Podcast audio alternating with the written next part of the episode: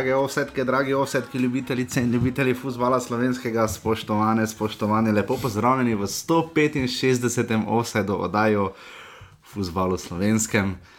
Olimpija obrala pokal, uh, Gorica ni obrala prvoligaškega statusa.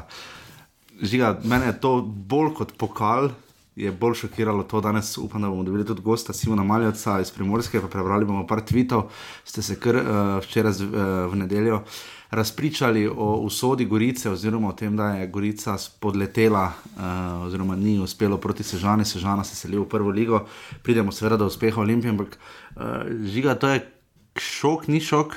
Glede na prvo predstavo, ni šok. No. Ja, prva tekma, pa tudi nasplošno uh, pomlad njihova prva tekma v Sežani v sredo. Ne vem, če ste gledali, super za prenos, pohvale uh, prvi ligi. Um, ampak jaz sem res kar šokiran. No? Mislim, štirikratni državni prvaki, trikratni pokalni, še pred dvema letoma so bili drugi v ligi, se smo zadnjič obdelovali vse klube, hvala vsem, ki ste zdržali do konca. Ampak to je res šokno. Tudi če bi Olimpija 6-0 Marijo premagala v finalu pokala, meni to ne bi bil tako šok, kot to, da je Gorica izpadla. Dobro, 6-0 je malo drugi šok. No. za dobro. koga drugega na klopi, bo to šok za Marijo Bora. Dobro, dobro, dobro, dobro, Če se te tekme samo držimo, glede na prejšnja leta, nismo navajeni, eh, da drugo ligaš izloči. eh, Prvo ligaša, oziroma smo navajeni, da je večja kakovostna razlika, ampak ti dve tekmi sta pokazali, da če ima drugo ligaš neko urejeno sredino, s trenerjem, ki že nekaj ve v prvi ligi, eh, kako stvari potekajo, da se tudi da v dveh tekmah eh, premaga, zdaj pa če na obeh tekmah eh, nisi niti izgubil, no potem to sploh ne moremo govoriti zasluženo, ne zasluženo. Več kot zasluženo je sežana si priborila, za razliko od nekaterih prejšnjih drugih ligašev, ki so si priborili zaradi odpovedi nekaterih Licenčne pogoje. Ja. Ali so pač nekateri bili izločeni iz prve lige in so potem bili sami mm. -hmm. povabljeni. Tako da mislim, da tako je še bolj slajš. Tako je se še slajše uvrstiti v prvo ligo, kot pa. Ja.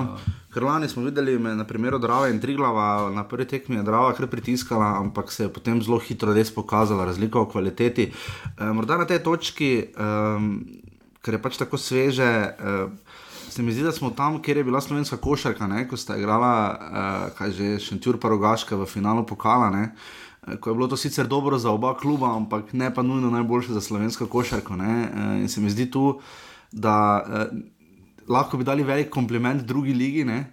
Uh, ampak mislim, da je to bolj posledica tega, da je Gorica res tako padla, da ni druga liga tako dobra, koliko je tudi prva liga nekoliko padla v letošnji sezoni. In to je dokaz, da je deveta Gorica recimo, res težko parirala sežanje, oziroma je sploh ni na prvi tek. Pa dobro, ne smemo pozabiti, da ta Gorica je kaj spomladi dosegla dve zmagi. Ja. No, Liga je padla, ampak ne pa tako, kot ta tekma prikazuje. No. Eh, Gorica sama ima velike težave, to smo že malo obdelali v prej, ampak vseeno, sam osebno sem mislil, da bodo zdržali tudi zdaj, so imeli v drugi tekmi, je imel velikonja na nogi, uh -huh. da 1-0 Ja. in zaključijo to tekmo, pa ni šlo. Da se pravim, tekme so se na začetku spomladi Gorici malo obračale slabo, eh, zaradi igre, zaradi drugih okoliščin, ampak konec koncev m, v razponu 17 spomladanskih tekem eh, si lahko kljub samo sam krivno. Ja. Eh, Zagotovo. Malo me čudi tudi, da so dan ali dva pretekmo, si je uprava sama podaljšala štiriletni, dodatni štiriletni mandat, eh, neko odgovornost do okolja, v katerem delaš, eh, do dela, do odločitev, ki jih sprejemaš, eh, moraš prej sprejeti. eh, S tem, da so si podaljšali, samo bežijo od resnice, da so tudi, on del, tudi oni deli eh, problema, tako kot je bil Miren Srebrenic po njihovo del problema uh -huh. po zimi, eh, pa so ga odstavili, je plačal za svoje napake. Ne, Ja. ne smemo bežati od tega, tudi on je naredil napake. In je plačal za to, eh, zakaj potem ena uprava, Sandy Arčon in drugi eh, ne bi plačali tega, ker na koncu imajo, mislim, da oni še več masla kot Miren Srebrenično. Ja, ne pozabimo, um, Mirno Srebrenično lahko rečemo, da je boljše priti iz tretje v drugo ligo kot iz prve v drugo, zdaj kot trener Kopra, čaka ga še obračun. Ne? Mislim, da z Gradom, ki je v tretji ligi na koncu uh, bil pred odranci. V tretji ligi vzhod, Dravo Grad in Bled bosta še igrala kvalifikacije za 16-člansko drugo ligo. Um, Ja, tako da bomo še prišli do tega, bomo malo kasneje obdelovali. Uh, danes je seveda tiskovna konferenca v Ljudskem vrtu in to snemamo v ponedeljek, ob uh, zdaj je bila v sredo. Ena je bila v, v torek. torek. V torek je bila ena tiskovka, uh, to seveda uh, prišel je Rudi Požek Vancaš. Uh, prišel uradno, sta se predstavila še Špiro Perečič in pa Andrej Kotnik. Uh, Um, Tako hitra tiskovna konferenca, ne vem, če trajala 15 minut, um, Marijo bo res tem uh, pred neuradno 450 tisoč evrov, ne, ki bo izplačano v večjih obrokih, ampak v vsakem primeru to je, kot je potrdil Zlatko Zahovič, najdražji in rekordni prestop za Maribor, ki je s tem mogoče hotel dati nek statement, ne vem, kakorkoli ni uspelo ne, pred Olimpijo. Pa to uh, ni bil bolj statement, to je bil bolj misel na drugo sezono, se meni zdi, pa ne pa posredno tudi priznavanje Zlatka Zahoviča, da pač ta ekipa potrebuje okrepitve na določenih mestih. Aha, torej se je začel zavedati, da to pač ni to. Torej, tako se lahko tudi gleda, da tudi če bomo izgubili proti Olimpiji, kar potem so in to, kar pošteno, mislim, pošteno, ker suvereno so izgubili, brez zobo, predvsem. Uh, češ, aha, to, če izgubimo proti Olimpiji, drugo, se, drugo leto bo pa vse boljše. Leto smo bili prvaki, kar je dobro s tako ekipo, ne? drugo leto bomo pa naredili predvsej več s takimi igralci. Ne, še vedno bodo ohranili jedro, ampak uh, mislim, da se vsi v klubu, vključno z Zlatko Zahovičem, da je dobil dovolj se pravi, 17 oziroma 19 tekem, 20 tekem za Maribor, so mladi, uh, je več kot dovolj velik signal za Zlatka Zoviča, po moje, uh, da je opazil, da pač to ni to. Tu vidimo, da je opazil, da nekaj ne štima. Ker Zlatka Zahoviča na toliko tekmah spomladi nismo bili navajeni na klopi. E, tako da mislim, pa tudi te tekme, ker se je igral za nekaj več, uh, ne pozajmo, Maribor na zadnjo tako tekmo je dobil proti Hapoelu, ja, Ljudskem vrtu. Dve leti nazaj. Ja. Pa lahko štejemo tisti jesenski derbi, tri ja. proti nič. Ampak taki, ko je res kaj odločalo v naslovu, ta ekipa je pokazala, pa zelo se malo tako čulo, da nimajo jajc na podomače povedano, da jih več, pri tem primeru Olimpija, da jih na takih tekmah večinoma bolj zborba, uh, bolj preteče, bolj si, pa ne želi, ampak več energije se mi zdi, da vložijo v to.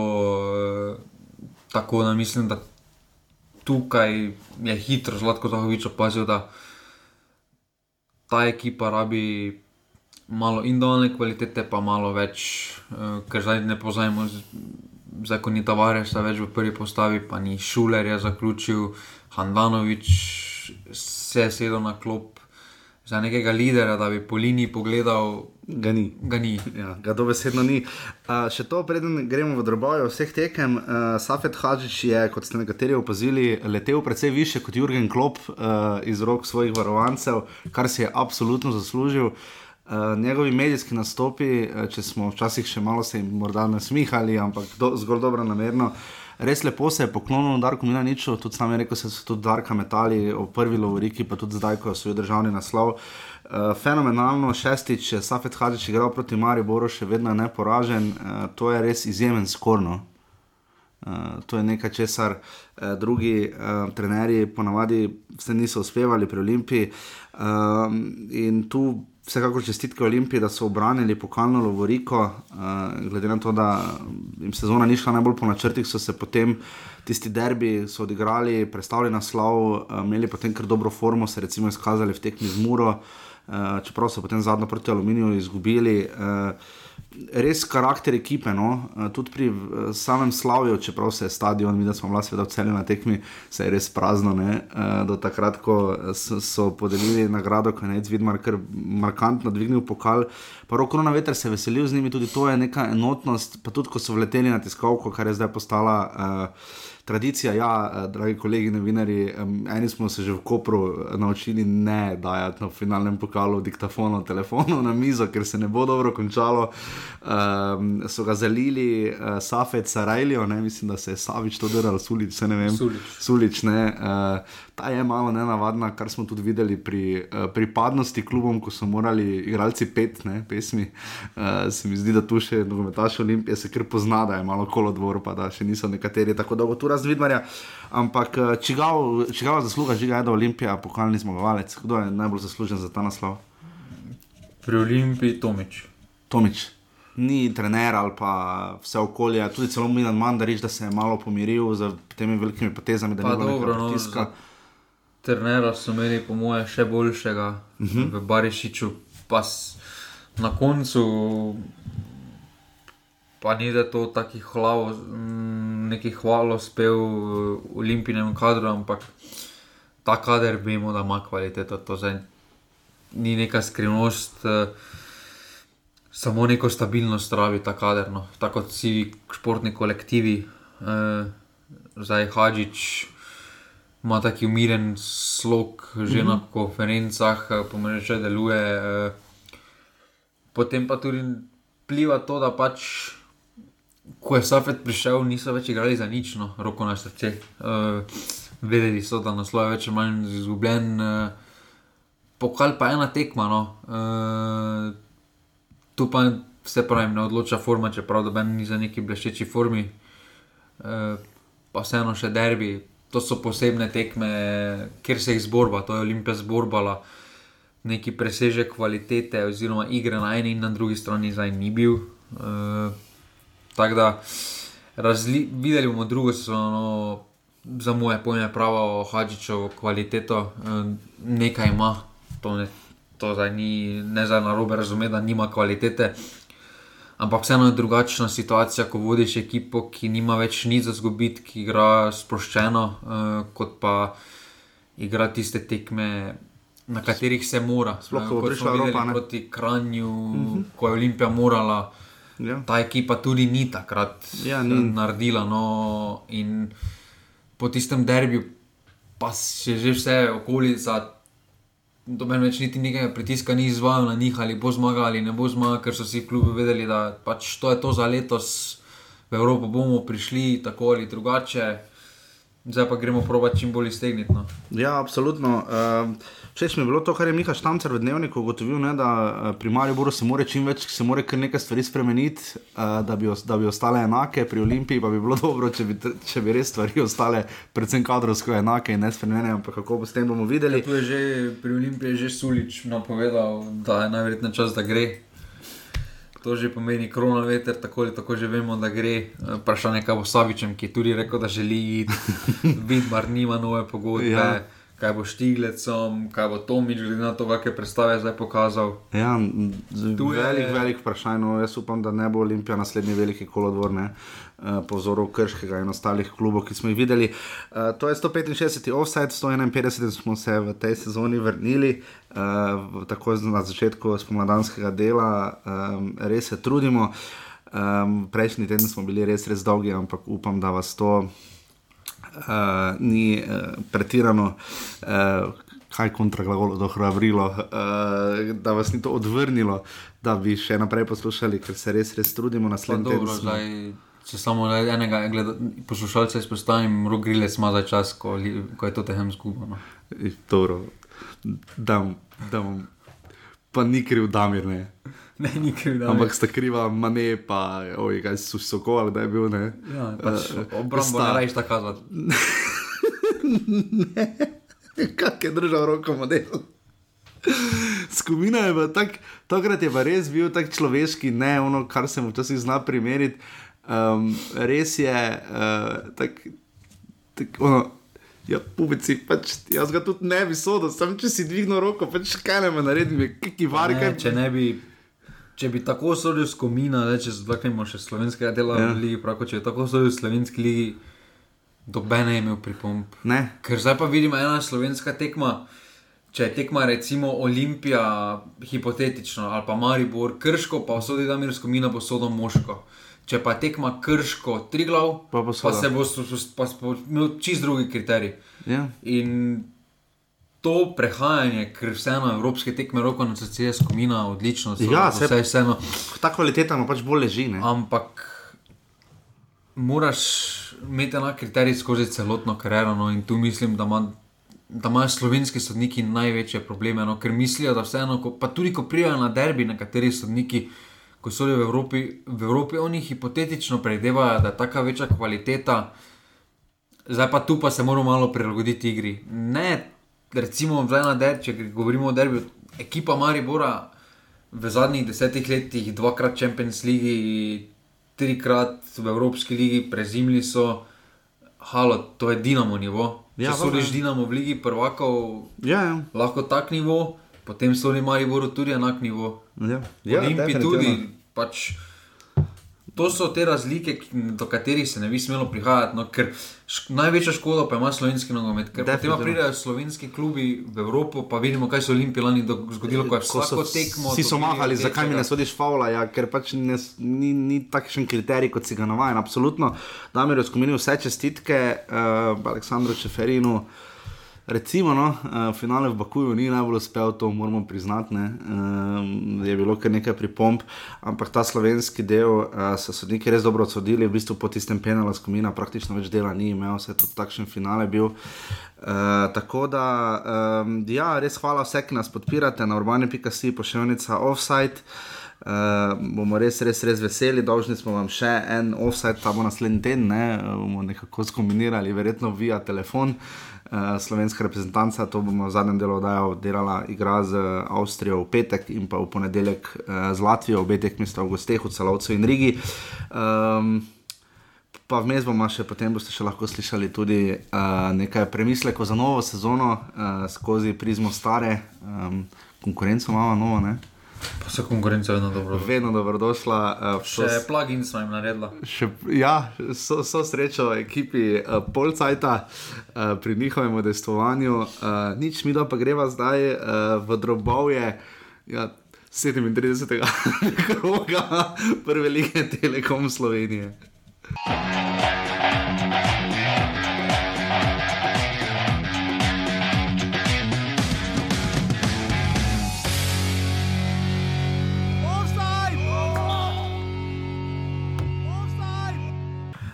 Je kar v celju. Um,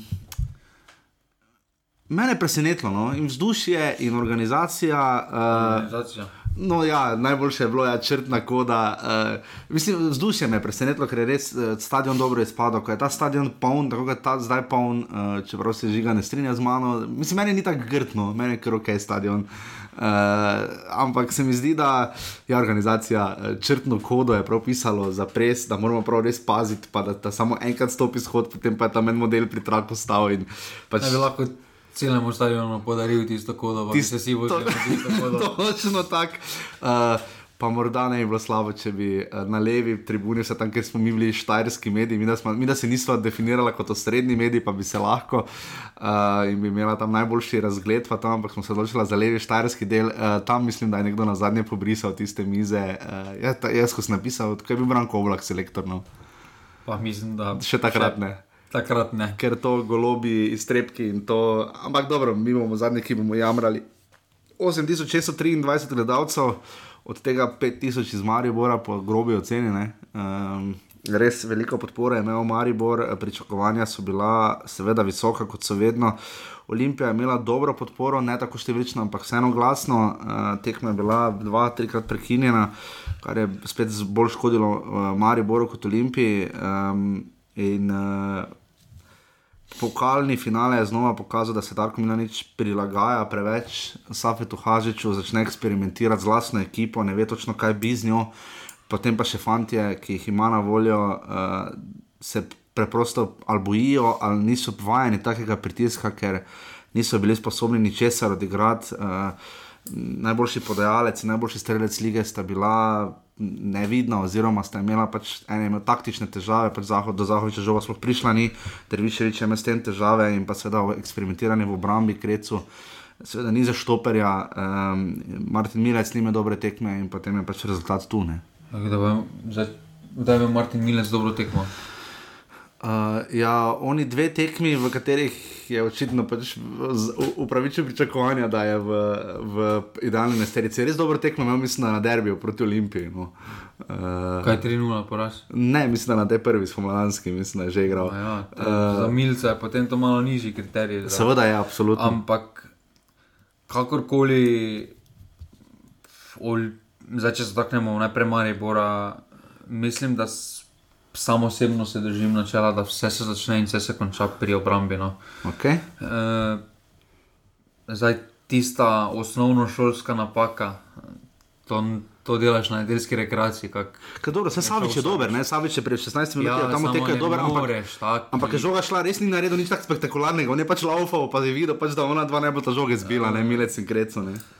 To pač vseeno, če je bila malo večja stabilnost. Uh, bi tudi mogoče zvezdna vrsta drugače izgledala, ker vseeno zdaj podzavesti ima Amir Drviševič, Blaž Vrhovec, da vseeno mora ta malo bolj zadaj poštimati prvo napad.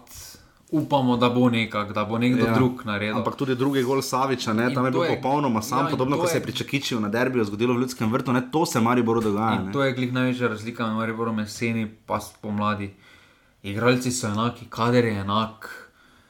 Postimo romp ali ne, taktične zamisli ali ne, Maribor je tekme jeseni dobil, ker je držal nulo zadaj. Ja. Ko je bila nula zadaj s to kvaliteto, ki jo imajo spredaj Mlakar, eh, Luka Zahovič, eh, potem Milkovič je prišel iz drugega plana, potem hitro je te, te, teče tekmo lažje, ampak če dobiš tako poceni zadetek v 16 minuti, seveda da se ti podere neki plan, ki si ga imel za tekmo, ampak vseeno. Ampak plan je očitno. Ko so nekateri odigrali, je bilo vseeno pod nivojem. Mari bi očitno trenutno lahko proti Olimpiji igral samo na 1-0. Tako se je meni zdelo, da kvečemo, da bi en gol zabili, pa probali zaradi držati 0, ampak to se jim seveda ni uresničilo. Um, če se malo staneva pri Mariboru. Um, prihod, mislim, te tiskovke, da kam nič, ko mu nekaj ne gre, ok, tu ni mogel zdaj igrati, biti pretirano užaljen, pač vseeno je to nivo, ki ne moreš čez ne da izjave in greš mimo kamer. Uh, V bistvu prijemate skovke in reče zadaj, da imamo čist preveč golo in igramo preveč, smo igrali nazaj, pa premalo naprej. Ne. Jaz sem ravno to je trenerjevo delo, uh, ker to govori kolektivno, Zdaj, posamezniki so posamezniki, tudi če imajo slabo tekmo, ampak uh, se je krecu ni sam dal na štoperja, ne? se, se ni sam odločil vmes za romp, ni se sam odločil, da bo Tavares pozno prišel v igro. To, to je vse odločitev trenerja. Jaz mislim, da Darko Milanič ima hude težave, mogoče s Safetom Hadžičem, ampak mogoče pa nasploh z Olimpijo. Je trener problem, ampak jaz vidim največji problem Zdaj, trener ne more reči, da če ima na izbiro Dobre. za drugega štopera, Kreco ali Rajčeviča. Rajčeviča tu se odloča na robe. Ne, ja, ampak glede na formo Rajčeviča, mislim, da se ni nič odločil na robe. Rajčevič je v zadnjih teh tekmah dal ja, nekaj golov na sebe. Ne se strinjam, ampak recimo, uh, pridemo še tega, zakaj naše tiskovne konference ne zgledajo kot bi lahko, ker resno vprašanje bi bilo, če se je odločil za Kreco pred Rajčevičem, bi se absolutno lahko tudi za Klinarja na mesto Milca. Ne. Glede na zadnjo tekmo oziroma polčas Rajčeviča je edina razumna ja, poteza, ja, okay, da ga pustiš Rajčeviča zunaj. Ampak recimo, potem bi lahko isto za Drviševiča, za Drviševiča bi lahko enako rekel. Ja, ne veš, ko, ko, koga pa naj da, potem se pa nima pol dobene druge izbire. Ja, ker tako, tako so vsi trije igrali, vsi štirje centralni so igrali. Se pa nima druge izbire, tako da je kriv, da Darka Milenča, ampak vseeno kadrovanje v Mariboru je po tisti je že par let ko, napačno kopičene igralce. Ja, preveč na sredini, pa premalo zadaj in spredaj. Ja. Ampak žiga, recimo, jaz mi namešano, če se eh, je tiščalo zdaj ob koncu sezone kot skoraj da klasičnega napadalca, ne, ne ležimo ta vloga. Vse zaenkrat ne. Ja, Čeprav je igral. Je to tudi politika kluba, ker če Luka Zahovič gre, če ne vem, pre, hipotetično, to je spet, če Zlatko Zahovič rekel ne bomo kupili novega napadalca, delajmo s tem, kaj imamo. Uh mhm. -huh. Je potem je Šanovič tem edini, edina logična izbira za centralnega napadalca. Ampak se lahko zgodi to, kar se je zgodilo Gregorju Bajdetu, ne, ki je bil pripeljan za sistem v bistvu 4-3-3, ki mu je izredno ležal, potem pa je iskal vse pozicije, hoteli so ga prekvalificirati celo na levega beka. Ne. Dobro, Bajde je prišel kot centralni napadalec, Vem, vem. prvih tekem odigral kot centralni napadalec, samo efikasnost ni bilo, je Mešanovič je pripeljan kot centralni napadalec. Ja, ja, ste to ravno. Ampak so se morali vsi pač umakniti s tandemu Zahovič Tavares. Ne? Ja, dobro, tako statistiko kot ima Luka Zahovič, se mora, vsi slovenski ligi se morajo makniti. In je poklican, tako kot tudi eh, kapetan Olimpije, Nec Vidmar, uh, Luka Zahovič je bil kapetan na tej tekmi, uh, ni imel kaj dosti žog, edino hotič se je izredno trudil, ampak bolj se je trudil, manj je bilo efekta. Uh, Ostalo pa res za pozabo, celo Saša Jukovič nima najboljše tekme, pa tudi Kenan Pirič je dobro, bil malo še nesiguren. Ne? Saša Jukovič je spomladi ne kaže takih predstav kot uh, Jeseni, ampak še jeseni, ampak to je treba vzeti z rezervo tudi s tem, da ima, drugi, da ima drugega partnera. No, Šuler, vseeno je postava. um, lider, Ja, valjda, valjda. eh, In že takrat malo drugačne stvari izgledajo v drugih linijah, kaj šele v obrambni liniji. Če imaš enega šulera, poleg bi še jaz gledal, po mojem, kot poprečen slovenski šofer. No. Moje mnenje je, da je, je bilo že v celju, da je Tavares vstopil prepozno, da je ravno to bila tekma. Večinoma ga dajo noter prehitro na tekme, ki mu ne ležijo, ta pa mu je, ne? ker je bila potem ob koncu zelo zgoščena in to Mariboru zelo in njemu zelo godi. Ne? No, Dobro, prišel je ena proti nič noter. No. Eh, lahko bi že prej posegel po menjavi za Derviševiča, ampak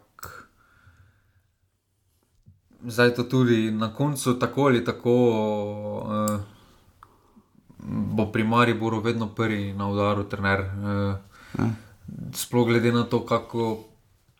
Kaki pomeni ima Zlatko Zahovič, ker vseeno samo osebno velik del krivde za te spomladanske predstave pripisujem tudi Zlatko Zahoviču, no, ker s takšnim kadrom.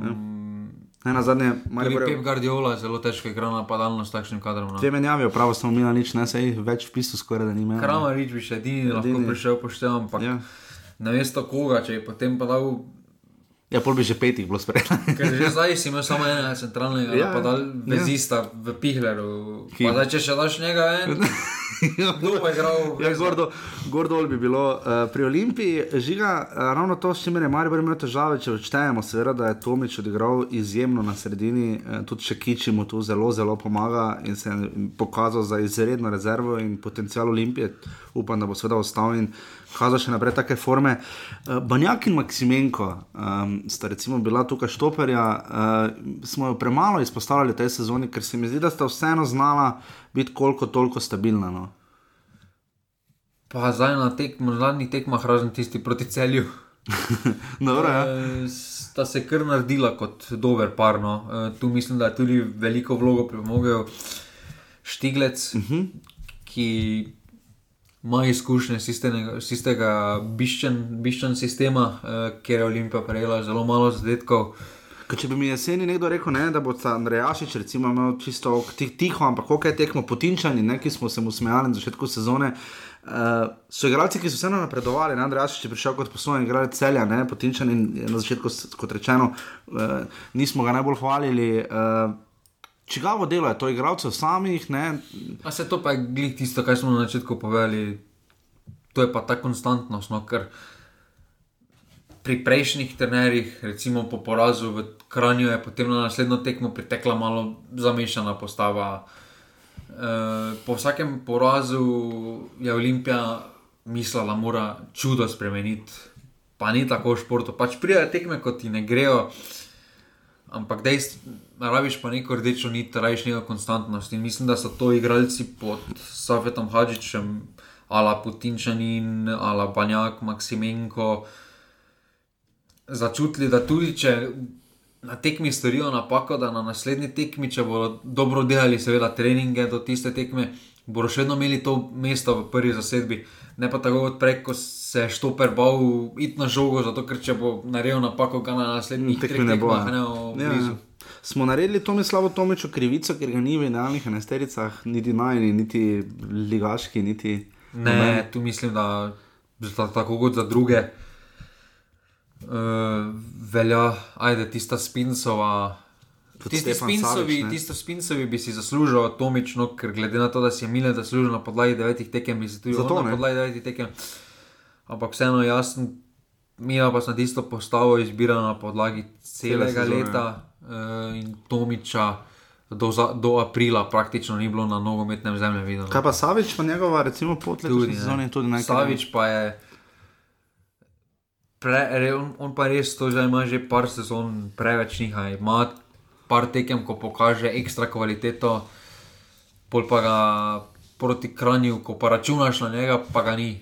Ja. E, in to so prevelika nihanja za njega. Sodijo je Matej Juk, potem je bila tiskovna konferenca. Um, Ker je žiga dal par dobrih istočnic, ko smo se uh, potem pogovarjali na poti domov, um, da te naše tiskovne konference se zelo ponavljajo, uh, ne prinašajo nečesa novega in ne razvija se debata. Žiga v tem času, da si jih nekaj videl, kaj jih vidiš ti, kaj bi, kaj bi ti predlagal, kaj bi bilo najboljše, kaj, kaj, kaj ti vidiš, kaj bi se dalo narediti tu. Pa dobro, jaz sem videl, večinoma vidim samo tiste derbija, pa kakšne pokalne, pa mogoče reprezentanca.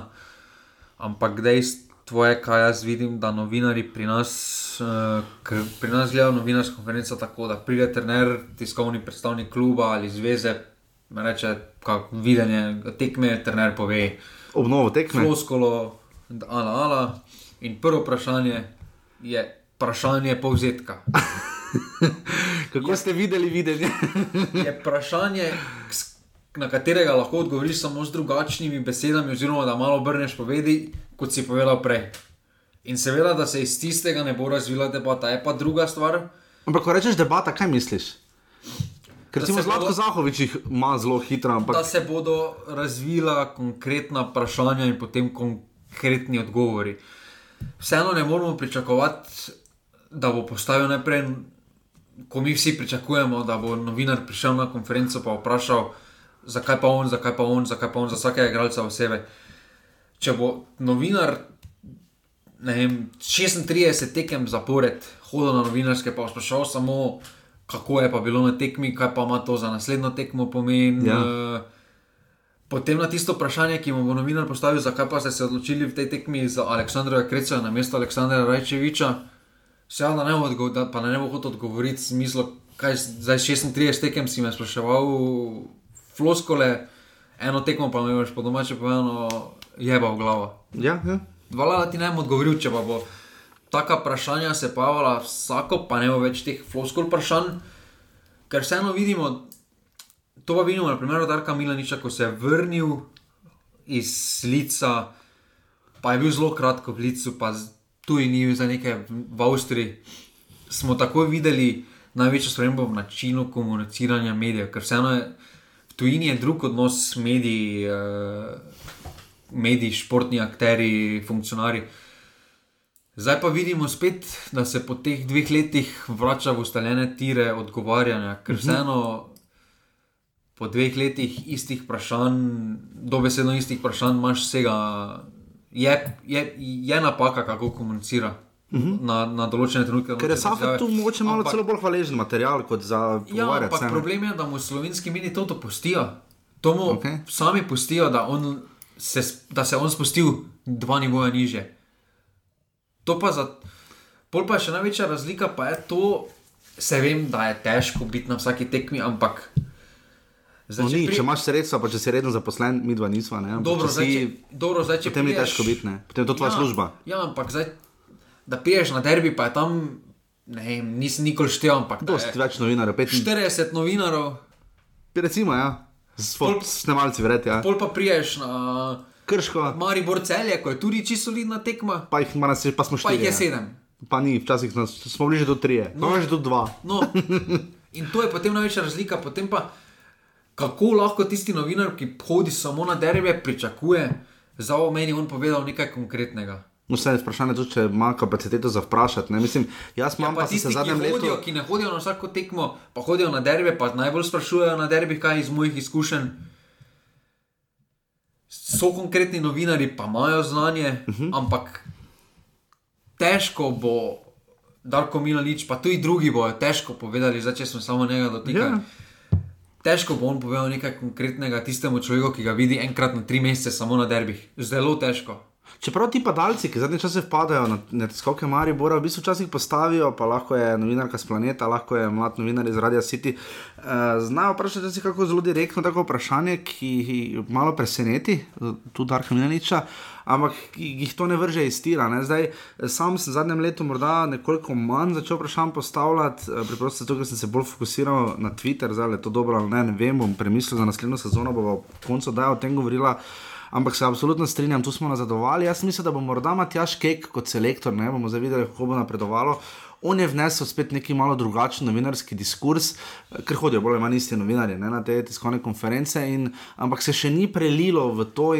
Se mi zdi, da ta način, uh, televizija ima tu najbolj močno vlogo, ne, ker pač televiziji moraš dati izjavo in televizija tu niti sama, dosti krat ne, ne postavi tistih najbolj konkretnih vprašanj, odvisno zelo od terenskega novinarja. Recimo, Rok Kovačič je super eh, iz planeta, ki smo ga pohvalili v prejšnjem daju, kdo drug pa recimo ni. Ne. Pa dobro, marsikdo tudi prehitro odneha od slovenskih novinarjev. Če zdaj pogledamo angliškega novinara na tekmi Chelsea Arsenal v Bakuju, trikrat je postavil isto vprašanje Hazardu. Malo je, malo je obrno vprašanje, ampak trikrat. Dobro, so to angliški princip, ja, tradicija. Trikrat zapored mu je postavil isto vprašanje. To je tradicija. Je odgovor, ker ko boš ti prvič postavil nekomu, bo prvo s floskolo, ko boš drugič, bo prvo se izogniti.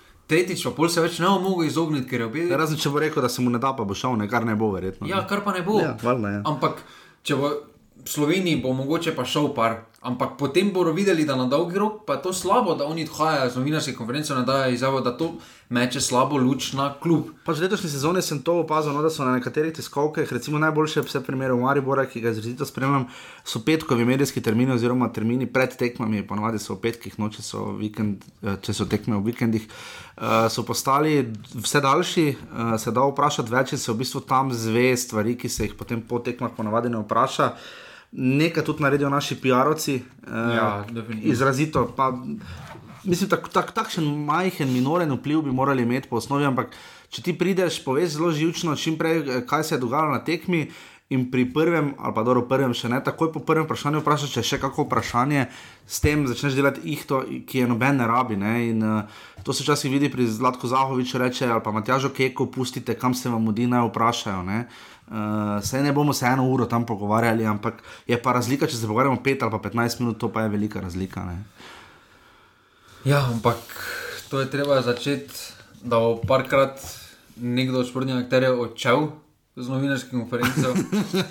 ker bodo taka vprašanja, da, da ne bo. Dobro, pa ni, ni to cilj, ne, ni, ni ne, zato cilj, da bi cilj, provocirali.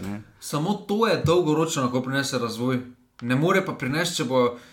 Ker tudi če bo prišel nov val, pa bo nov val postavil tri dobra vprašanja, konkretna vprašanja, potem bo še vedno tistih pet, šest starih vprašanj, s katerimi se še vedno vrnil v stare okvirje. No, samo se mi zdi, da tu sta slab trend postavila uh, srečo Katanec, ne, uh, po katerem pač vsi so si verjetno ostali akterji v nogometu želeli, da ne bi imeli takega efekta, ne bom govoril o vsebini, ampak efekta tega, ki se njemu zgodil, ki je pač imel skoraj da frontalno, vse veste, vse smo obdelovali, frontalno odnos z novinarji in pa recimo po drugi strani um, delno tudi Zlatko Zahovič ne? in to pač, kar smo videli v preteklosti, ampak uh, o tom potom bomo videli, kako bo to v novi sezoni, ampak rezerve je vsekakor dosti, tako da uh, finalni uh, Ljubljana, mislim, da ima zdaj uh, 4, 2, 8 naslovov, ima Ljubljana, uh, pokalnih 4, Stara Olimpija, 2 Interblok in pa 2 Olimpija Ljubljana, Maribor ima še eno 9 naslovov, pokalnih. Uh, je pa zdaj izgubil to pokalno vriko. Um, prizorišče celje se nam zdi ok, meni se zdi, da bi lahko še kdaj ponudili, pa mogoče celo da za kako tekmo reprezentance. Ne, eh, reprezentance pa res ne. Ne, vedno tja? Ne. To je vseeno neki nivo. Ne moramo tu eno vino reči na taki nivo. To je res, ampak škoda, mi nimamo enega stadiona lepega, jadro Koper, ne? za 4 ure, 3 ure, ne? za kakšno manjšo tekmo. Ne? Se pa Koper, čisto ja. se že pokazal, kot to izbira za to. Upam, da ga bodo ki upam, da ga bodo obnovili. Tako da, ja, zdaj se bomo pa malo preselili še na primorsko.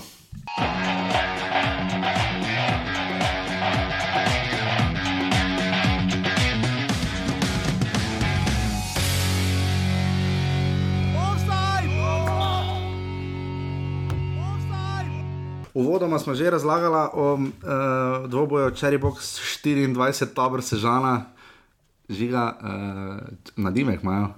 Ne bom ga. Imajo, nadimek Ja, imajo. super, jaz, jaz ga ne bom nikoli Pa še na, še na Wikipediji piše, da imajo ta nadimek. Nisi samo komentator nadimek, malo, ni, slovenski klubi imajo vsi, pazi, mi smo na svetovnem prvenstvu v Južni Afriki edina reprezentanca, ki ni imela nadimka, ne, kar je žalostno. Uh, vse drugače ima večina, čeprav nima vsi klubi nadimka, ne. Jaz sem držal tega na njim. Češnice. Čeprav to tako zveni, kot da so neka cheerleader skupina. Ne? Pompon. Pa nič za cheerleadinga je zelo uh, super stvar. Uh, Cherry Box 24 Tower sežana, prva tekma, uh, 800 gledalcev, ampak meni se je zdelo več. Ona zadnja tribuna, sprejme, mislim, da Jurija, pa ona eh, glavna, prenovljena na stadionu Rajke Štolfa, tako da en klub z imenom eh, stadiona smo izgubili, Matija Gubec, prihaja Rajko Štolfa, dolgo, dolgoletni delavec v sežanskem nogometu, kar leta nazaj. Um, Sežana je zelo, zelo ostro krenila na prvi tekmi. Eh, Gorica se ni znašla v tem, eh, prvi polčas so bili uh, Kraševci boljši um, in so tudi zabili oba zadetka, Stevanovič 14 in Nazinovič 40 minut. Uh, vmes pa je tem velikonja izenačil z 11 metrov in to je bilo edino, kar je Gorica spravila proti golu uh, tabora Sežane. Na povratni tekmi 2500 gledalcev, ogromno navijačev iz Sežane. Um, Mislim, da vseeno kader, ki ga ima Sežana, kam bi ga uvrščala, če se najprej na Sežano osredotočiva, kam bi ga uvrstila uh, iz vidika prihodnje drugoligaške sezone, če se recimo Aluminij Sežana, če pride Aluminij, ki, Kidričani v Sežano. Ne. Dobro, če prijajo šumo.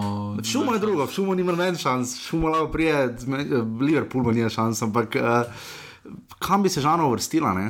Pa dobro, za Čežano je super, da so, prišlo, da so si izborili to sezono, ker po večini, ko pride en klub, pride ponovadi samo en klub iz, prve v, iz druge v prvo ligo. Ja, letos imamo dva kluba potem spet na Vincu. Zelo težko za obstanek. Tu pa imajo zdaj neposredno veliko možnost, da si pridejo na tisto deveto mesto, potem pa v kvalifikacijah s temi izkušnjami, ki jih imajo zdaj, iz- ponovno izborbajo in bo potem lažje se gradi dolgoročno, kot pa da zdaj prideš samo ti kot drugi ligaš, pa si po domače povedano kanta za nabijanje. Ker drugi sezoni razen kranja trenutno na papiru, lahko rečem, da so vse ekipe že nekaj dale v slovenskem nogometu, pa so že nekaj dosegle v slovenskem nogometu. Vse druge ekipe so že bile v Evropi, naprimer, imajo izkušnje.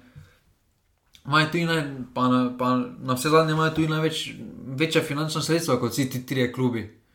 Tu pa bo head to head uh, boj, uh, kaj, bo, kaj bo prinesla, če bo obstala ali ne. No. In bo zelo zanimiva z tega vidika. No. Zdaj ne pozabimo, v lanski sezoni sta prišla tudi dva kluba eh, v prvo ligo. Ne? Um, v, iz sezone 2016-2017 sta izpadla uh, Koper za zeleno mizo in pa Radomlje, in sta potem na naslednjo sezono prišla Ankaran in Triglav. ne. Uh, Dobro, pa smo videli, da je zaradi Ankrana s- je Triglav obstal. uh -huh, ja. Uh, zdaj, če bi Ankarana ne bi bilo, pa bi Koper obstal, če ne bi bilo tiste zelene mize, bi se zdaj pogovarjali najverjetneje, ali bo Triglav prišel iz druge v prvo ligo. Verjetno, ja. Preko kvalifikacij.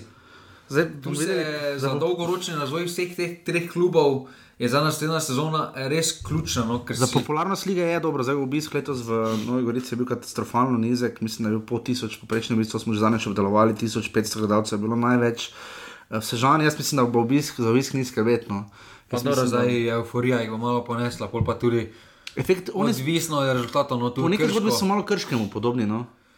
Ja, krško, čeprav malo več izkušenj, trener ima malo več izkušenj s tem, no, s tem dogajanjem. Uh, Čeprav tudi Tomaš Petrovic je takrat dokazal, tu ima z Andreja Razdrha, ki je bil že trener Olimpije, ne na zadnje. Ne. Uh, mene je KB uh, kar malo navdušeno, sicer se mi zdi, da bo še malo rabo taktičnega znanja. Pa Leon Sever se zelo dokazuje s tistimi prodori, tudi Arjan Reiner, vratar pri Sežani ni tako slab. Uh, in bomo zdaj videli, kaj bo to pomenilo. Ne. Stadion je zelo uh, specifičen uh, v Sežani, uh, Maribor je tam v pokalu igral predlani, uh, se tudi kar malo namučil. Um, jaz sem vesel za Sežano, no, ampak ne na račun, problem je, da na račun Gorice. Ne. Um, Daniel Bratušek, uh, več bo potem tako Simon Maljevac povedal, ampak je na Twitterju zapisal marsikaj, ne, uh, da uh, ni takšna senzacija ta izpad, da je bil največji manjko na sredini, uh, to se strinjamo, ne, ni bilo igralca s potezo več. Ne. ja, dobro, igralci za spotezo več so Zgubili že z Burgičem, kaj je šel. Ne, so sami nagnali. Ja, kot Andreja to, Kotnika. definitivno. Da je bil Bašič popolna brca v temu, tu, tu, tudi to se mi da strinjava, sva to že op- opozarjala, žogo podajanje naprej nazaj. Tudi Sorčan, uh, mislim, kaj se je temu fantu zgodilo. Ne? Pa dobro, sočeno treba, da, da jih je marsikatero tekmo rešil, ampak s takšno obrambo niti Jan Oblak ne bi izgledal boljše kot tretji ligaški vratar slovenske nogometne lige. Žal je tako, da vratar je res tista zadnja ovira, ampak obramba ima veliko vlogo pri tem. Zdaj pa če dobivaš, zdaj če prijeta dva predsorčana, kaj naj, ne more nič. Zdaj tudi Kenan Pirič je zaradi krecu malo slabše izgledal. Ja. Zdaj, dve nogometni šoli obstajata v Novi Gorici, nas je tudi potočil Daniel Bratušek, res hvala za tvite, morda ga ne, v kratkem spet gostimo na uh, drugo sezono, ko bo derbi, ne, drugo leto bomo pa res videli derbi v drugi ligi Gorica, Koper, če se Koper mora Koper, najprej. Koper mora najprej premagati Grad, ampak glede na to, da Grad niti nima ambicij igrati druge lige, mislim, da je ta zgodba jasna. Um, A mislim, da tudi ne bo. Zna se zgoditi zdaj škoda pa kluba. če bi še krško, ne, zdaj, ki bo doživelo ravno to, če bi še krško šlo v drugo ligo, bi imeli drugo leto res kvalitetno drugo ligo. Ne. Radomlje so letos pokazali veliko, krka se je začela proti koncu To zdaj ne vemo, kaj bi bilo. Po imenih bi imeli kvalitetno, ampak kadrovsko, mislim, da ne bi imeli. Jaz predvidevam, da pri Gorici ne vem, misliš, da bo Exodus ali bodo fanti pač ostali. Kdo bo te obstal? ja, zdaj bo kar Andrej tržnica. Filipovič definitivno Ja, ne on bo zagotovo. igral v drugi ligi. Tudi- Osuđi tudi ne bo igral v drugi ne, ligi. Filipovič je tako drzen na stranskega sodnika, ne poznajmo Saša Kolman, je bil izključen, če se mu je odpevalo. E, dobro, kaj je delal radio? Rade Obrenovič, sramota, sramota, mislim, Rade Obrenovič je pa res sramota. Mislim, ta človek, to je, jaz se opravičujem dragim kolegom za nogometne zveze Slovenije in vsem ostalim sodnikom, samo dajte se pogovoriti z Radom Obrenovičem, zdaj bom pa res naredil redko izjemo in bom neposredno nagovarjal, dajte se malo pogovoriti z fantom, njegov odnos na igrišču. On ni Damir Skomina, ker če bi bil Damir Skomina, bi že šel po tej poti, pa ni šel in ne bo šel. Če bi bil David Skomina, ne bi mogel soditi te povratne tekme. Ja. Ja, ker bi sodo v soboto, ne pa v nedeljo.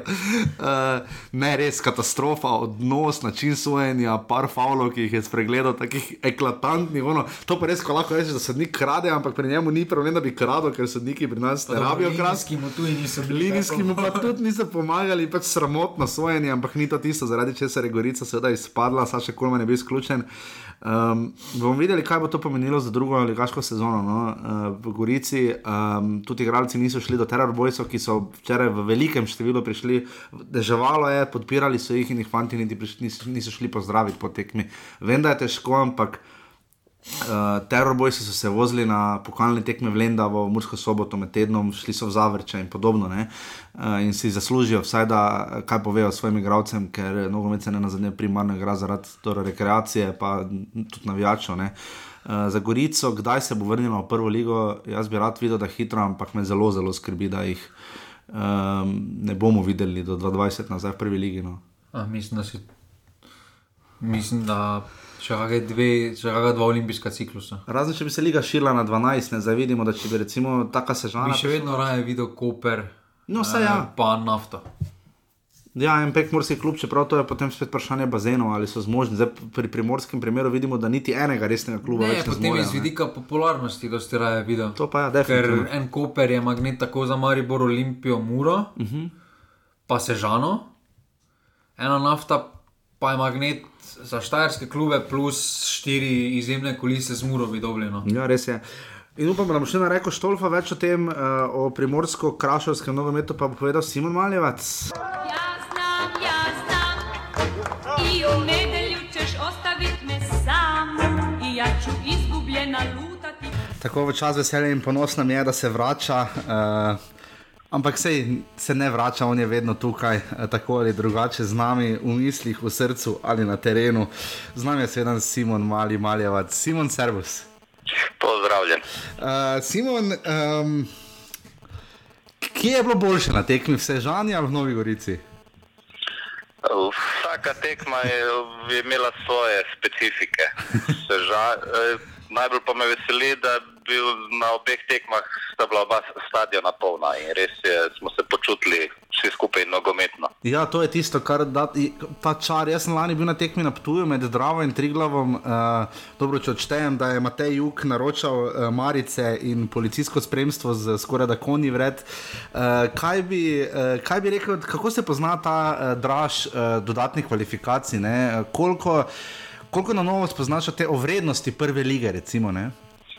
Ja, se je ra- ravno o tem sem, sem tudi včeraj razmišljal. Tele, doda, izločilne tekme so, so- so ne- nekaj posebnega. V pokalu niti ne uh -huh. toliko, ampak v teh dodatnih kvalifikacijah se je pa res poznalo.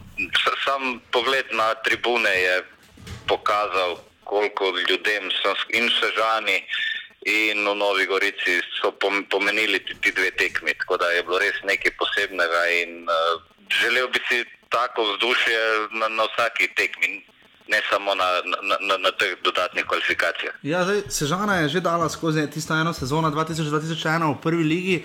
Kakšno okolje v nogometnem smislu je Sežana, razen da imajo to, kar ima še bolj ali manj samo žak na tem nivoju, ne, da se vlak mimo pelje. Eh, Kaj, kakšno nogometno okolje je Sežana? Zdaj stadion, tisti upravni del je nekoliko prenovljen. Uh, najprej samo okolje, pridemo še na sponzorstvo, pa tako naprej. Ampak kaj bi rekel, kako nogometno okolje je Sežana v primerjavi recimo ravno z Gorico?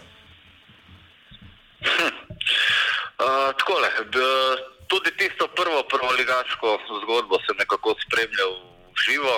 Uh -huh. uh, je, je bilo re- res vse nekaj novega, uh -huh. so bili pa tudi temelji. Mislim, da so zdaj le z direktorjem Davorjem Škrjancem vendarle malce bolj čvrsti. Uh -huh.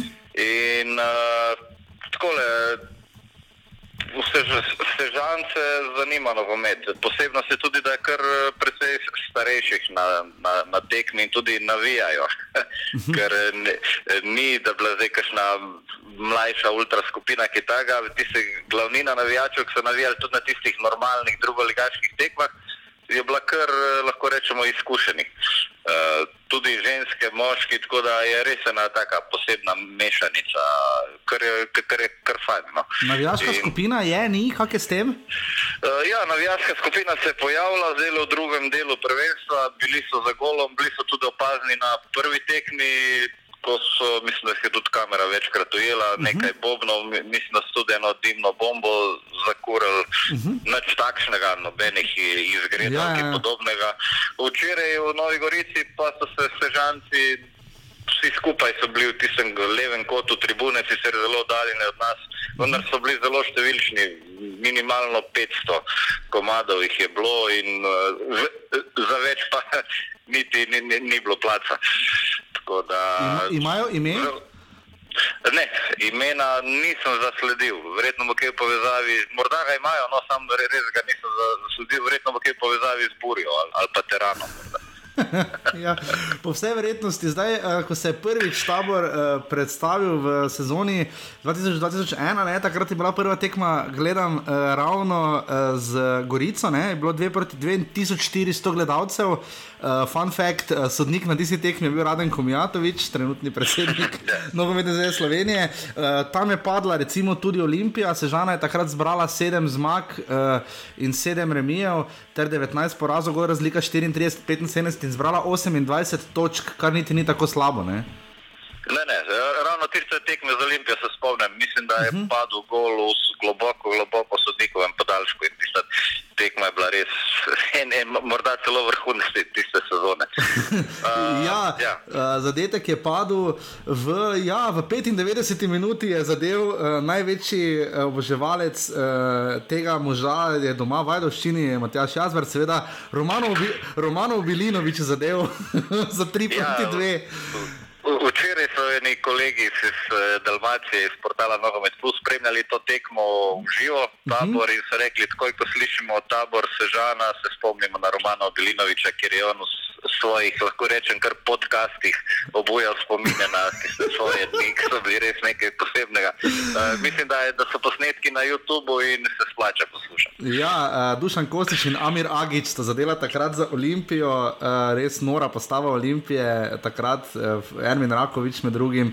pa Jasmin Handanovič na klopi, uh, Sebastian Cimerotič tudi. Uh, Um, res no, nori časi. Ka, kakšni so primerljivi zdaj, ne? kaj pričakujejo zdaj? Tu je Cherry Box, uh, ki je nek hvale vreden sponzor kluba, je stopil ob strani. Uh, kako se je Sežana uh, Simon uh, prenovila, kako je postala najprej resen drugo ligaš in kako bi recimo primerjal za zgodbo recimo v Krškem, ne? kjer so tudi nekako organsko rasli, potem pa prerasli sami sebe. Ne? Ja, morda sta zgodbi podobni, upam pa, da zaključek te zgodbe ne bo takšen. Uh, zdaj, le, tako le, pred prvo tekmo v sredo smo se malce pogovarjali z ljudmi, ki so blizu klubu, rekli so, da je trenutni proračun nekaj več kot 300 tisoč evrov. Celotnega kluba, ne samo prvoligaške ekipe, in da ga bo treba za nastop v prvi ligi podvojiti. Uh -huh. uh, sponzor Cherry Box 24 gre za italijanske podjetnike so mm -hmm. že obljubili, da bodo pač uh, prispevali svoj delež oziroma ga podvojili. Mm -hmm. Seveda pa bo dobrodošla tudi kakšna injekcija iz lokalnega okolja. Mm -hmm. da, proračun, jasno jim je bilo tudi. Direktor Škrjanc je rekel, jasno nam je, da moramo proračun podvojiti in eh, te, po njegovih besedah so stvari že zastavljene, uh mhm. -huh. zdaj le samo potrebno je realizacijo. Potrebno bo tudi nekaj infrastrukturnih ukrepov, no ravno na tisti prvi tekmi malce. Niso pričakovali takšnega navala novinarjev, tako da so pripravili samo dve novinarski mesti. Tako da smo, smo se mogli malo stisniti, pa smo preživeli. Uh, in tako le, škoda je, najbolj mi je škoda za tole novo tribuno, je nova, slačilnice, vse skupaj, ampak spreme samo 200 do 250 ljudi. Ja, da niso. Ker, ker je malce malo. So bili pa tudi sami omejeni, zraven je železnica, je mhm. policijska postaja, ja, ja. tako da kakšnega večjega objekta niti niso mogli zgraditi. Mhm. Bo, bo, kak so tu z ref, reflektorji, ne? Zdaj, bravo, je že prišel v ligo, ki bo igral na začetku Bajena Žaku, potem gre v Stožice. Kak je tu sežano? Uh, ja, upam, da reflektorje ni, upam pa, da jih bodo uspeli postaviti, čeprav je spet, spet smo pri, tem, pri teh omejitvah prostorskih. Ne. Ja. Zdaj ne vem, ali ga bodo dali tam na med tire, da bo še malce vlakom posvetil ali kako bo. V glavnem upam, da bodo se, se lotili tudi tega izziva. Ja, gledam, tista sezona je bila res nora, tabor Sežana je takrat na začetku remizirala z Gorico, premagala Muro, premagala Olimpijo, remizirala s Primorjem in šele potem je prišel Marijo Borin slavil v Sežani s 3 proti 1, ko je potem šel na poti do naslova. Kaj pa zelenica, Simon, travnata podlaga na televiziji, sicer slabo vreme je bilo zelo, ampak na televiziji je delno zgledalo ok. No? Ja, jaz sem se ravno spre, sprehodil pred tekmo po zelenici, zaradi padavin je bila namočena, vendar je zdržala. Mislim, da je po mojem zelo kvalitetna. No. Uh mhm. -huh. glede, glede tega ne bi smelo biti problemov. Pričakuješ, eh, zdaj se bomo prišli na Gorico, ampak pričakuješ tu kakšno Exodus, oziroma da bo Sežana zdaj pobrala ta bazen uh, igralcev, ki je pač zdaj ostala neka praznina, Koper se sicer dviguje, tudi do njega še pridemo, ampak uh, ta KB se je kar dokazoval, oziroma ima nek delni potencial, tu je Leon Sever. Uh, kakšen kader bo imela Sežana? Ja, zanimivo vprašanje. Uh, ravno Kebeta je Gorica kar dobro ustavila, ta uh mhm. -huh. Leon Sever je bil pa res presenečen. Še posebej na prvi tekmi uh mhm. -huh. je, me je navdušil in mislim, da je bilo zelo lahko to igral v, polovici prvoligaških klubov. Ja, Tudi Dino Sančič je eksploziven, prodoren, eh, tam po, po levem krilu je Jurišal. E, tako da ima Sežana v teh dveh tekmah pokazala, da ima neko ogrodje in uh mhm. -huh. vsekakor bilo fajn, če bi vsaj 70-80% ekipe zadržali, seveda bodo tudi jo okrepili, vendar nek, nek temelj ima. Uh mhm. -huh. Zdaj, tako da, kar se tiče Gorice, eh, Gorica bo pa mogla za ekspresno vrnitev v prvo ligo skoraj da zadržati to ekipo, ker imamo, eh, sedaj prihaja Koper, imamo že te tradicionalno močne drugoligaše, nafta, radomlje. Tudi Krka, da, go, ja. go, Gorica, v bistvu, če bo prišlo do kakšnih večjih sprememb, se bo zelo težko potem vrnila v prvo ligo. Simon je odgovor na vprašanje, zakaj je Gorici se zgodilo to, kar se je po 28 sezonah v prvi ligi. Je odgovor, se skriva, bral sem tudi Sandija Škvarča v, v napovednem tekstu v soboto v dnevniku, uh, sicer uh, dela za radio, ne primorski. Uh, Je odgovor na vprašanje eh, ravno v tem, zakaj je odšel Miran Srebrenic? Eh, Tudi, mislim, da del tega je tudi to. Uh, mislim, da glavni, ta, glavni razlog pa je, ker se v zadnjih 3-4 letih praktično ni resneje vlagalo v ekipo. Uh -huh. Prihajali so igravci, tudi pač eh, večina jih je bila kar nekaj iz Hrvaške druge lige, razno razno. Ni, ni, ni bilo tiste prave kvalitete. Kvalitetni so odhajali z izjemo Grege Sorčana, uh -huh. potem pa so prišle zamenjave, ki so se pokazale, da niso sposobne zaigrati na, na, na najvišjem nivoju. Na dolgi rok bilo je nekaj prebliskov, vendar na dolgi rok se je izkazalo, da ni to to. Zdaj pa v, v, v teh zadnjih tekmah pa je prišla do izraza tudi ta psihična, kom, psihološka komponenta. Ja, no. Videlo se je, da so, jim ja. no, da, da, da so jim mnoge skoraj da odrezane. Ni, bilo, ni, ni bilo dveh, treh natančnih podaj in eh, rezultat je bolj viden. Tu sta dve zgodbi, kako jo ti vidiš. Ena je Grega Sorčan, uh, ki je bil neki rudi požek vancaš efekt, ne? eh, vedno je z nami, pa vedno odhaja, uh, ampak se je potem na koncu odločil in ostal. Drugi je pa je tem velikonja in njegov podvrate. Kako vidiš njuni zgodbi? Ja, Grega Sorčan, eh, tri, že skoraj tri leta nazaj je bil na radarju nekaterih italijanskih klubov. Vedno se je govorilo, vsak prestopni rok eh, bo odšel, ni odšel. In v, tele, v zadnji sezoni se mu je primerilo kar nekaj napak, takšnih, malo nesrečnih, malo skoraj da osnovnošolskih. Tako da, ne vem, eh, tudi glede na to, da je klub izpadel v drugo ligo, bo odškodnina verjetno bistveno manjša, v primeru, če ga bodo prodali. Tako da, Ja. eh, ne vem, eh, ta zgodba se ni najbolj posrečeno iztekla ne za Sorčana, ne za klub, Ja. ker ker klub ni dobil odškodnine, Sorčan sedaj je kar v malce težkem položaju. Ja. Kar se tiče Tjena Velikonje, prišel je nazaj v domačo Gorico, zabil nekaj golov, vendar je bil nekako na koncu skoraj tragični junak teh dodatnih kvalifikacij. Uh -huh. Na obeh tekmah je imel zicer ena na ena z Renerjem in če bi vsaj enega od teh zadev, bi se zgodba eh, drugače končala. Ja, definitivno. Zdaj, ko se je takrat zgodila ta menjava, nekako pri Rudarju je prišel Almir Sulejmanovič, potem je prišel Saša Kolman, eh, pač iz znotraj, znotraj rezerve kluba, ne, pri Gorici podobno. Kakšen trener je on bil, recimo v primerjavi z Andrejem Razdrhom, ki je res gradil na ekipi? Saša Kolman je v enem trenutku se mi zdi poživil ekipo, našel to neko, ta neki zadnji čar, nek duh, ki ga je še nekako znal nekje najti, Miran Srebrenic in da ga je on kot novi trener uspel najti, ampak mu na koncu ni uspelo. Kako vidiš Saša Kolmana?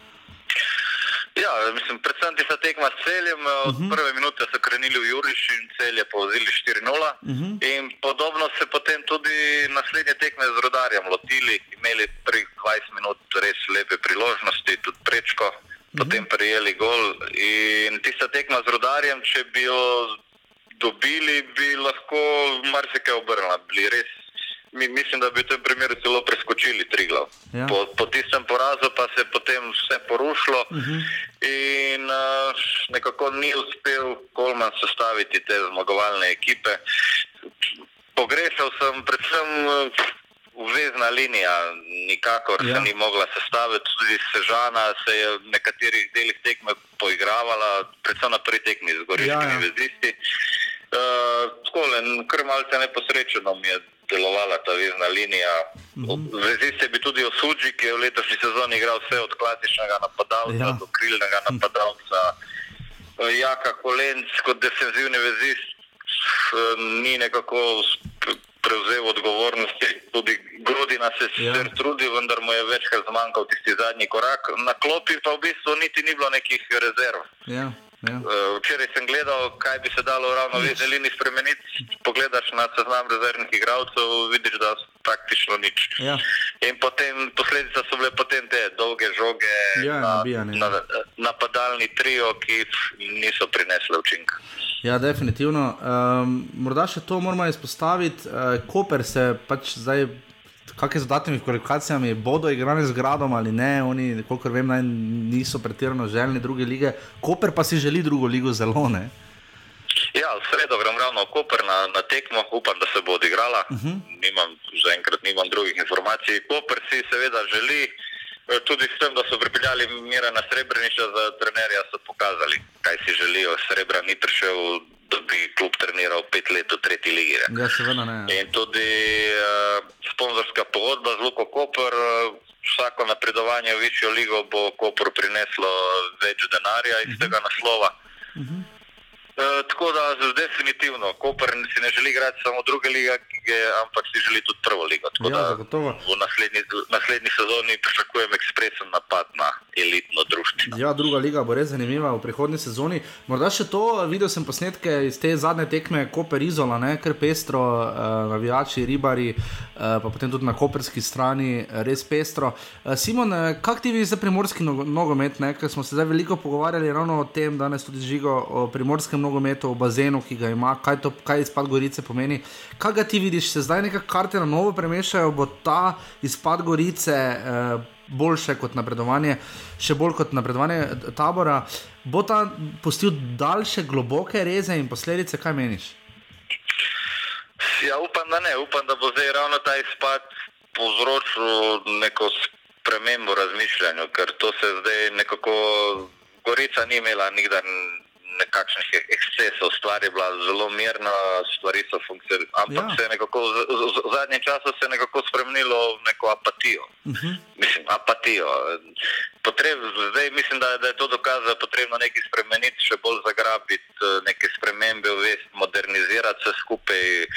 Futbal ni enak, kot je bil deset let nazaj. Ne? Ja, ja. In potrebno je spremeniti, eh, mislim, slediti temu toku sprememb in upam, da se bo zdaj nekaj, nekaj zgodilo, da bo, da bo naredil ta primorski nogomet, ne samo Gorica, ampak primorski nogomet korak naprej. Ja. Zdaj res je ena specifična situacija. Ne? Imamo dva kluba, največja igrata drugo ligo, ko, Ja. mislim, bosta verjetno igrala Ja, ja. ja. Gorica.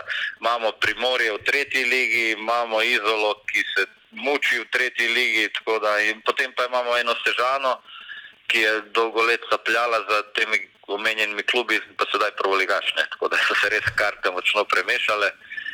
In upam, da, se, da bo šlo vse skupaj naprej. Zdaj, v tretji ligi so bili derbi Koper Izola, glavna atrakcija. Zdaj le upam, da bodo Koper Gorica, da Ja. se bosta oba kluba borila za vrh. Uh -huh. In lahko se lahko v bistvu tudi oba kluba že naslednjo sezono se skupaj vrneta v prvo ligo. Ja, definitivno. Ampak pa, sem pa nad nečim razočaran, Simon, Ankarana nisi omenil. Ja, iščem ga, iščem ga, ne najdem nikjer. Se, se znamo od igranih tekem. Ja, z, mislim, tisti, ki smo jih malce bolj podrobno spremljali, smo vedeli, da se bo to zgodilo prej ali slej. ja, seveda. In če, tudi če bi se kakšno leto prej, mislim, da ne bi bila skoraj da nobena škoda, ker bi na koncu spadlo vse skupaj smešno, brez stadiona, brez igralcev, brez. Ne vem, eh, v bistvu mi je bilo že dve leti nazaj jasno, da bo do, do tega dne prišlo. In je pa nogometna šola Ankaran. To je pa posebno nov klub v Ankaranu, ki je tudi igral tekme v Ankaranu, ker Ankaran vemo, da je igral povsod, Postojni, ja. samo v Ankaranu. ne. Ja, vse povsod, ja. Mhm, Od ja. Postojne, Dravograda, Dravograda do do- do, do do Nove Gorice. Posod. Uh, tako je nogometna šola Ankaran, pa mislim, da je osvojila naslov uh, v četrti ligi, primorski ligi, uh -huh. in se bo zdaj preselila ligo više, tako da brez Ankarana ne, ne bomo ostali. No, to je, to je zelo, zelo topla novica. In še to, Simon, za vse tiste, ki bodo v prihodnji sezoni šli na stadion Rajka Štolfe, kaj morajo vedeti, eh, kaj je najboljša plat, je, kako je s parkingom, pivom, hrano, pijačo, jedačo, eh, najboljšimi sedeži in podobno. Uh, parking, parkinga mislim, da bo dovolj. Ja, saj tam- bližini stadiona ja. je tudi šolski parking, Ja, ja. tako da glede, glede parkinga ne bo problemov. Tribuna, mislim, da za večino gledalcev bodo pač tekmo spremljali z tribune za golom, tako da se bodo počutili kot neke vrste ultrasi uh Mhm. -huh. tam za golom, uh, ker na glavni tribuni je pač bo verjetno prostora samo za VIP goste. Uh Mhm. -huh. V bližini je kar nekaj lokalov, je tudi pekarna, tako da kakšen burek bo znal pasti pred Mhm. tekmo. Uh, je pa tudi policijska postaja, tako da v primeru kakšnih izgredov boste hitro na hladnem. V roku ene minute. Simon, najlepša hvala, da si bil naš gost, kot vedno. In uh, za začetkom nove sezone bomo spet kakšno rekli o Sežani, pa tudi o Gorici in Kopru. Ne? Seveda. Hvala. Srečno naprej, dragi offside. Ja, hvala tudi tebi, Simon, lep dan. Adijo. E, e, enako, čau.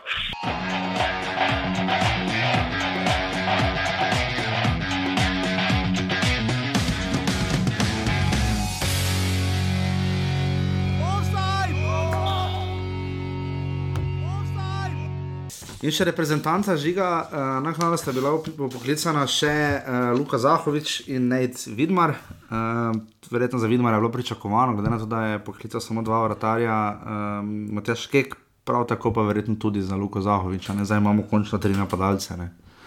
Um, tudi Avstrijci so uh, predstavili svoje moštvo, nisem še bral izjav Slaviša Stojanoviča, kaj dosti iz Rige, ampak uh, Franko Foda je izrazito povedal, da jih čaka finale in da bojo šli res na nož. In uh, jaz mislim, da Sloveniji ne bo lahko v celotu, že takrat ni bilo, bila prijateljska. Tokrat jim pa res ne bo, ne bo lahko žiga. Um, pri slovenski reprezentanci sploh ni bilo vprašanje, zakaj ni neca skubica. Ne? Najckubic je pač prišel na črnolisto takrat, ko je. Imel osebne težave. Ne? Ja, zdaj pa. Ker je dosti Vseeno- dobro reprezentanci, pa Stojanovič je imel hude težave na zadnjih tekmah. Ne? Ja, pa dobro. z- Stanovič je mlad igralec, Stanovič bo dal 10 let reprezentanci, Skubic pa 5 let najboljšem primeru. Zdaj pa, Dobro, okay, ja. ja. če se neko dolgoročno zgledamo z vidika slovenskega nogometa, je Stanovič veliko bolj logična izbira. Okay. ker bo pač več možnosti, da bo dal nazaj skubic. Trenutno je tu, tu po kvaliteti, ampak čez dve leti, ko pa skubic star ne vem, 33, koliko, med primerjavi z 25-letnim Stanovičem, je seveda bolj smiselno, da takrat 25-letni Stanovič bo imel že 10 tekem, kot pa da imel nič tekem. No, govorimo o obrambi in boki, zato ker smo videli, da je Kek malo eksperimentiral tudi z strunama ne, eh, na tekmah proti Makedoniji, Severni Makedoniji in Izraelu. Eh, Kaj lahko pričakujemo tu, potem se kar naenkrat TV Slovenija zveje, objavi postavo in potem to ponovadi drži. Bo Bojan Jokič igral? Pa mislim, da bo. Bo torej z- v, v golu, seveda Jan Oblak, potem pa zadnja vrsta, verjetno kaj. Jokič, Mevlja, pa oba strune. Ja, glede na zadnje tekme, tako najbolj. Prej kot Stanovič, ne? najbližje. Ja, potem sredina, uh, bomo videli, zakaj se bo odločil. Pač, uh, Biol bo zigerno. misliš, da bo Biol igral? Da bo v prvi postavi? Ja, glede Tak na zadnjo fant. formo.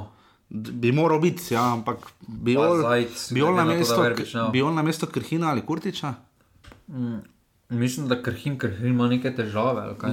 Ja, mislim, da je malo poškodovan. Torej, Biol bo igral, zagotovo bo Josi Piličič igral, uh, Miha Zajc, pa Benjamin Verbič. Ne? Verbič ima probleme. Ja, točno Verbič je poš, poškodovan, če bi, pardon, se opravičujem, ampak naj bi jo saniral ali kak, ali pač Keko je da dela na tem. na tem. No. Kdo potem bi tu lahko ga nadomestil?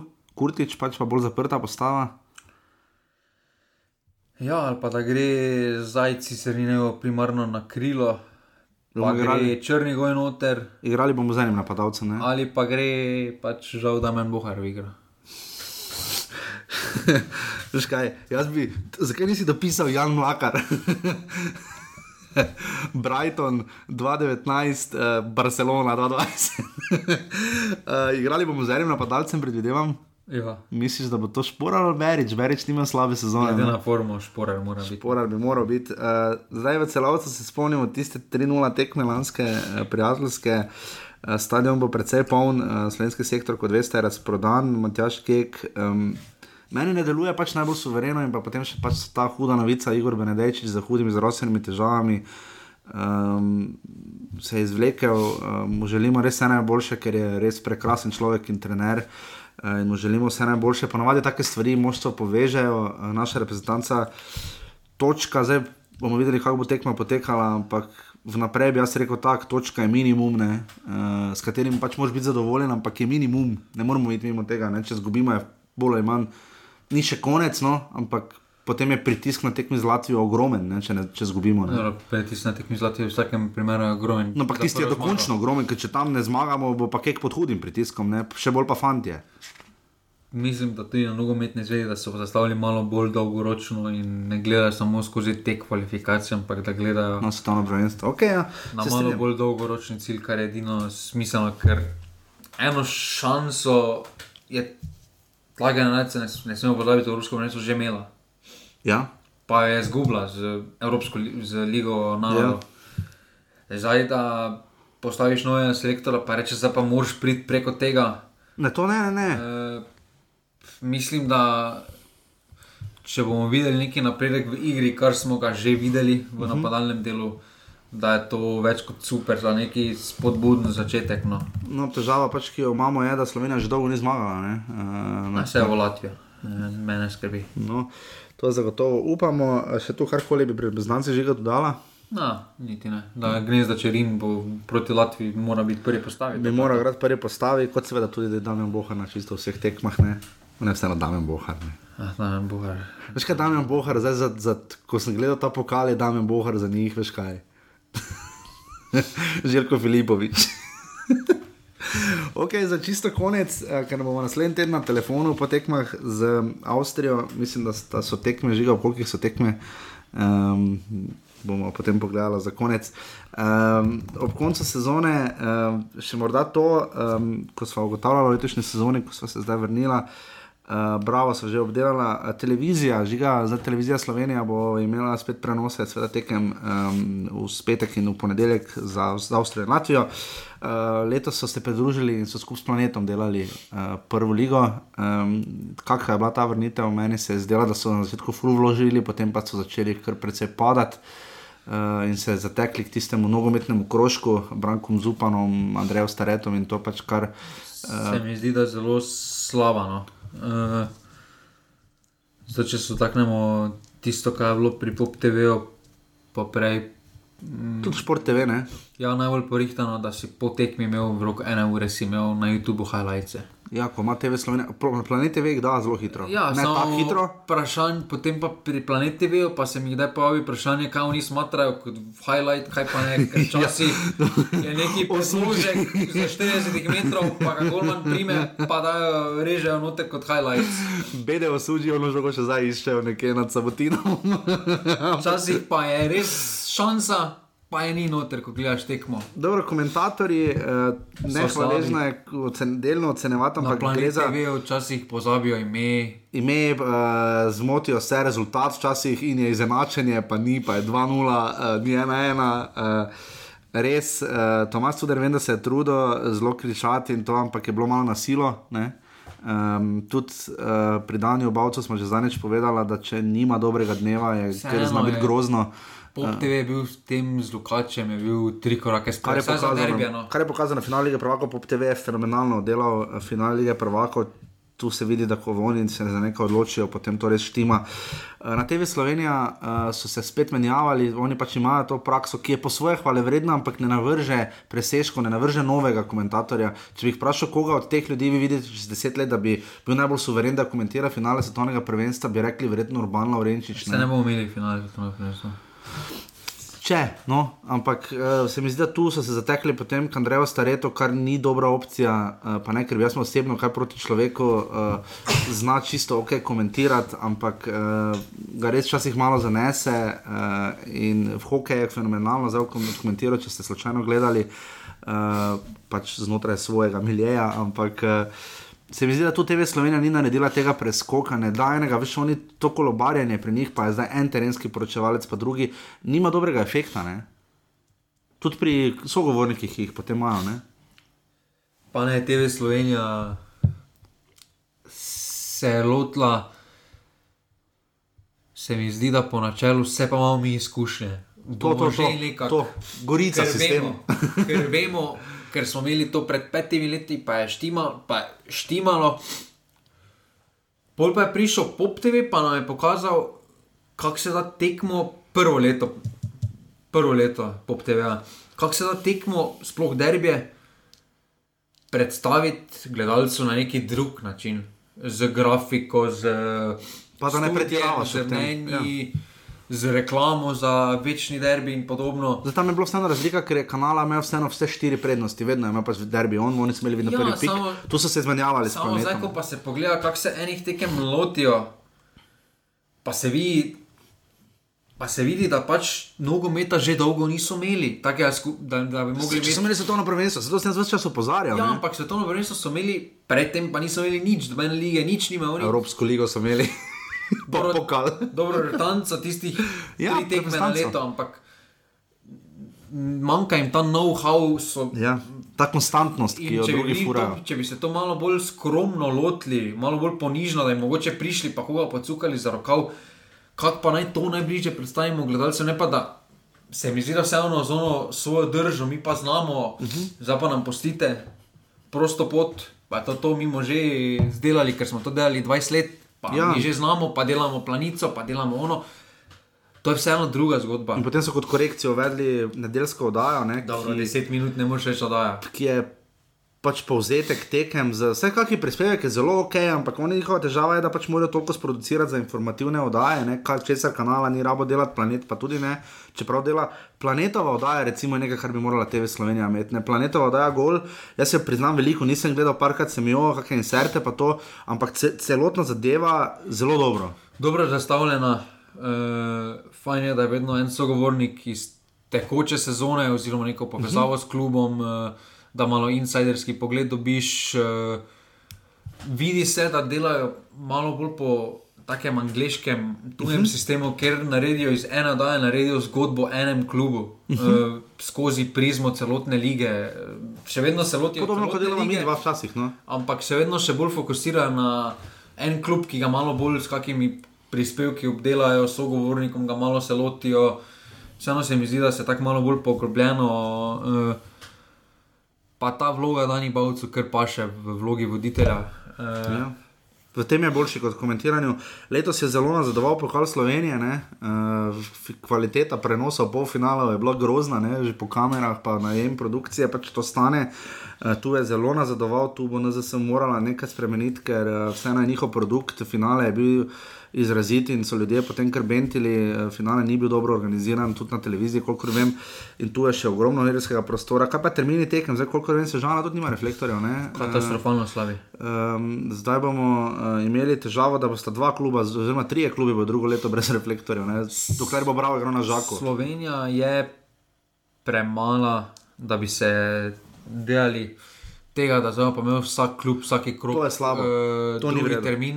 Zdaj, Pa Vsak, vsaka tekma svoj termin, to ni dobro. obvezno, obvezno moramo dostaviti nekih domačih klubov, recimo, ki imajo probleme z gledalci, tako kot je Alumini, razen za primer Maribor Olimpija, ko pride. Ne daš jim v nedeljo zvečer tekme. petek, Petek bi oni morali igrati. Ja. mora biti tam. Kar si je tekma. gospod Jelševar prizadeval, ampak so mu rekli ne. Mora biti stalen termin za en aluminij. Vseeno delaš za tisto okolje, ki bo v petek bo pač tam največji odziv, se moraš pač se omogla televizija prilagoditi, pač bo mogel tudi Maribor kdaj petek tam igrati. Pa sem mar včasih igral v petkih, eh, Zdaj pa- 2000, pa se dobro Zdaj pa aluminij enkrat igra v nedeljo ob 6, enkrat igra v soboto ob 12. Ja. Pač Slovenci smo vseeno narod navad, kakorkoli obrnemo. Ker v Kranju pa so se navadili na te zgornje termine, imam občutek, oni pač nimajo reflektorja in tako ali tako vejo, da bo tekma ali bo v soboto ali pa v nedeljo ob dveh, nove, oktobra, novembra, februarja in marca. Ne?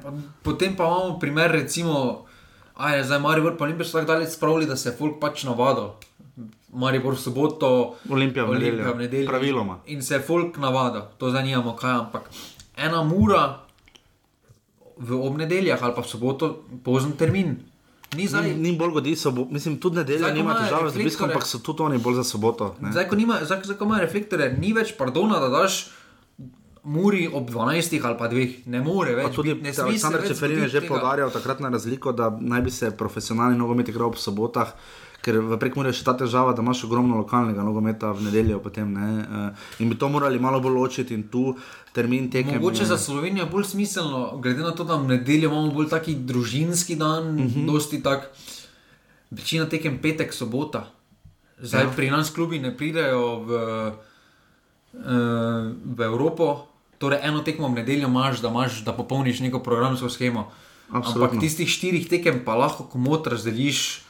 V soboto pa petek, tako da se dobena tekma ne začne v petek pred šesto, uh -huh pa v, pa v, pa v soboto pred tretjo, kar je nesmiselno, kar škoduje samo gled, gledalcem. No. Ja, zdaj v prihodnji sezoni Liga se začne 13. julija v soboto, predtem so kvalifikacije za slovenske klube 9. in 10. takrat bo igral Maribor, eno torek sredo, v četrtek pa vsi preostali trije klubi, torej Olimpija, uh, uh, Mura in Domžale.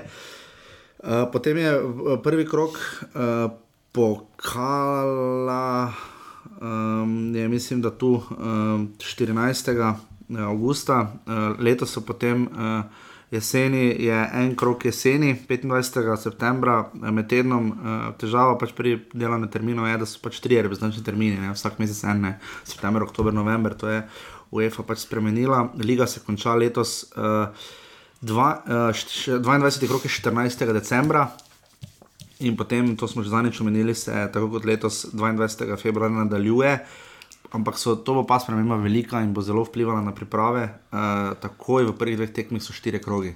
Prepozni je vseeno začetek. No. Lahko bi teden do deset dni, če ne dva tedna prej, bi lahko začeli. Ja, ker to bo ubilo ene Eh, klube. Ker 22. februar, take zime, redko so take zime, razen tiste lanske, ko je bila res ekstremna, ampak Sloveniji so ponovadi že bolj mile zime, infrastruktura je vedno boljša, eh, klubi lahko rešijo.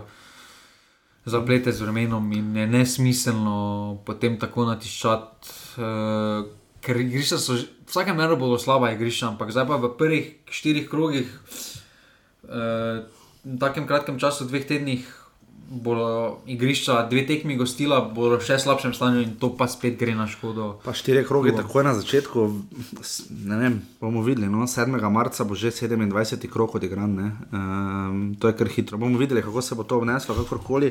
Žiga pivo je bilo na stadionih uvedeno, ne? uh, tokom mislim, te sezone. Um, na finalu v celju se ni dalo dobiti uh, alkoholnega piva. Um, kaj smo tu ugotovili, uh, da so se ljudje seveda nava- navadili na to, uh, klubom to ne prinaša tako velikega denarja, uh, razen Murski soboti, recimo tam res šan klaufane. Um, tu bi še kaj dodala za udobje navijačev, zagotovo. Ne? Pa ne to samo korak s časom gremo. No. Je- Se mi zdi, da bi Da lahko postaja še bolj druženje. No. to. to. Zdaj, to je, na tem morajo delati klubi, da to postane neko druženje, neki del, da greš. Da ne greš na pijačo v mesto več, ampak da se zmeniš, da greš na, Na pijačo stadion. na tekmo, pa pogledaš poleg tekmo. Ja, da, ker, to je eh, sodoben vid- način, da je pač Videli, druženje tam. videli smo v celju, kaj se zgodi, ne, ko je Folk še v 15 minutah hodil na stadion. Ne, eh, to je pri nas velik problem, eh, zlasti v Ljudskem vrtu, no, v Ljubljani, nekoliko manj, pa tudi tam zna biti, če je stadion poln. Intervjuje izjave tiskovne konference smo večinoma že obdelala. Um, upam, da se bo letos, seveda, je sprememba tudi bila v samem pravilniku, zdaj klubi tudi uradno lahko določajo svoje igralce. Navijaške skupine, um, zdaj, ostali smo brez Terror Boysov v prvi ligi. Zdaj se žanci, upam, da bodo um, imeli podporo na gostovanju, bravo, vprašanje, kakšna bo domača, domača zagotovo bo. Um, letos, seveda, Black Ringo so največja pridobitev, uh, Dragonsi in Viole so nekako strnili vrste, Viole bodo letošnji sezoni, Dragonsi so lani, Viole bodo avgusta praznovali 30 let. Um, Kaj tu reči o navijaških skupinah, ne, škoda, recimo, da celje še vedno nima, ne, kar se boleče poznalo na zadnji tekmi uh, pre, prejšnji teden. Ne. Pa mislim, da navijaška scena je več ali manj že v Sloveniji dolgo časa enaka. Ja, in se v kratkem ne bo spremenila. Barve dresa, uh, koga zdaj sežanci Pa bodo. vse to smo že. To smo zadnji sežanci, bodo prišli z rdečo kombinacijo, tega je manjka malo, no imamo aluminij, pa tri glavne. Uh, bravo bo imel take drese, podobne, kaj kakšne imajo oni modro-rumene. Tu neki mislim, ja. da. No, to. To bo neka novost, ker že dolgo ni bilo takih dresov, ampak zelena pa rdeča bo zdaj prevladovala drugo leto. Po številu klubov. No. Aha, ja, ja Maribor je to res izrazito specifično. Zvijočno pa mura, črno-beli dresov, ni dosti klubov, ki bi jih imeli. Uh, in to je to. Uh, res smo se, se potrudili za danes, vem, da ste pričakovali, da bo zelo kratko, ampak na kratko ne znamo. Uh, to je ta naš offside, uh, naslednji teden, še potem zadnji v četrti sezoni. Uh, res hvala vsem, predvsem tistim, ki podpirate, pa tudi tistim, ki ne date kakšno ceno v iTunesih, da, to, da bomo splezali malo više. Mislim, da smo padli že na oni lesvici, ampak važno je, da tisti, ki poslušate, poslušate redno. Um, dosti smo se naučili v letošnji sezoni, uh, jaz sam bo pauza prišla ta tri tedenska, več kot dobrodošla po naslednjem tednu, uh, potem pa velik razmislek spet, kako naprej. Um, bom za konec res izkoristil to, da pač sam bi si res. Če bi bila to z nama žigo služba, ne, to pač ugotoviš potem, ko prideš na novinarske konference, vidiš druge novinarje, pa si vesel za nje, bog ne da bi komu faušne. Um, Pa res, koliko bi nam pomagalo, ne, veš, da bi to delala full time, bi, eh, seveda bi kvaliteta morala biti boljša, eh, roka grilca bi morala manj omenjati, pa sminjena kuharja, in tako naprej. Ne. Ampak eh, res to radi delamo, vzame pa ne znate si predstavljati, koliko časa to meni vzame, praktično mi gre cel ponedeljek, pa če še odšejemo vikende. Uh, pa potem seveda vsem gostom, ki si vzamejo čas za nas, pa vsem PR-ovcem, ki nam pomagajo pri tem. Um, če imate kakšne ideje, no, lahko na Twitterju, Facebooku, žiga kos, jašal renčiš, kjerkoli nam najdete. Um, se mi zdi, da bi res bilo lušno, če bi s tem nadaljevali v takšni obliki, pa predvsem, da bomo šli še bolj na teren, morda delali kakšne oddaje. Meni je to izrazita želja, če ima kdo kakršen koli možnost uh, za alot, uh, sponzorjev, do podpore, karkoli, uh, bomo zelo odprti, res bomo premislili čez poletje, kako in kaj naprej. Ker res gre dosti časa za ta futbol. No. Jaz sem bil prejšnji teden že tako zjahan, po tem maju, pa aprilu, kaj je bilo, mislim, mislim 14 tekem je bilo nekaj takega, ne. uh, res dosti. Ne. Ja, nabere se na koncu. Nabere se in si potem res utrujen in potem pač res težava, da se v mojem primeru moram potem še festival lent pokrivati, tako da imam v bistvu dvakrat po tedni, mogoče malo pauze, pol pa tako dalje z evropskimi tekmami, ki so res hitro. Ne. Če bi delala podcast v Angliji, bi lepo, zdaj bi še lepo počakala na finale lige narodov, pol pa lepo, ajde pa se. Se vidimo mi sredi avgusta, da je takrat offset že fajn za koraka. No. Um, Tako da, če imate res kakršne koli predloge, želje, pomoč eh, na svete, karkoli bomo res veseljem upoštevali, ker konkurenca se dviguje, to vidimo. Ne? Uh, pa ne samo za polcajt, ki ga bo večer ustvarjal, tudi televizija Slovenija ponudila svojo uh, žogo okrogla, dajte kdaj priložnost na malo 10-2. Uh, se tudi trudijo, uh, se tudi še en športni podcast imamo, vsaj enega, no, ki včasih občasno dela nogomet, uh, pa vse te oddaje. Tako da se ta kultura se dviguje, žiga, ne, ko se pregovorila. Ja, uh, pač Slovenijo vse pride malo kasneje kot tujina, iz tujine, tako da tudi ta kultura se zdaj dviguje. Uh, fajn je, da je vedno več stvari, uh, da, da lahko izbiraš, ker, ker na koncu enemu je to všeč, enemu ni to všeč, enemu nekaj drugega všeč. Pač to so okusi, ljudje imamo različne in to ja. je čisto nekaj normalnega. Najbolj pomembno pa je, da pač lokalni nogomet, ne, eh, ta je tisti, ki bi ga se sam želel še bolj obdelovati.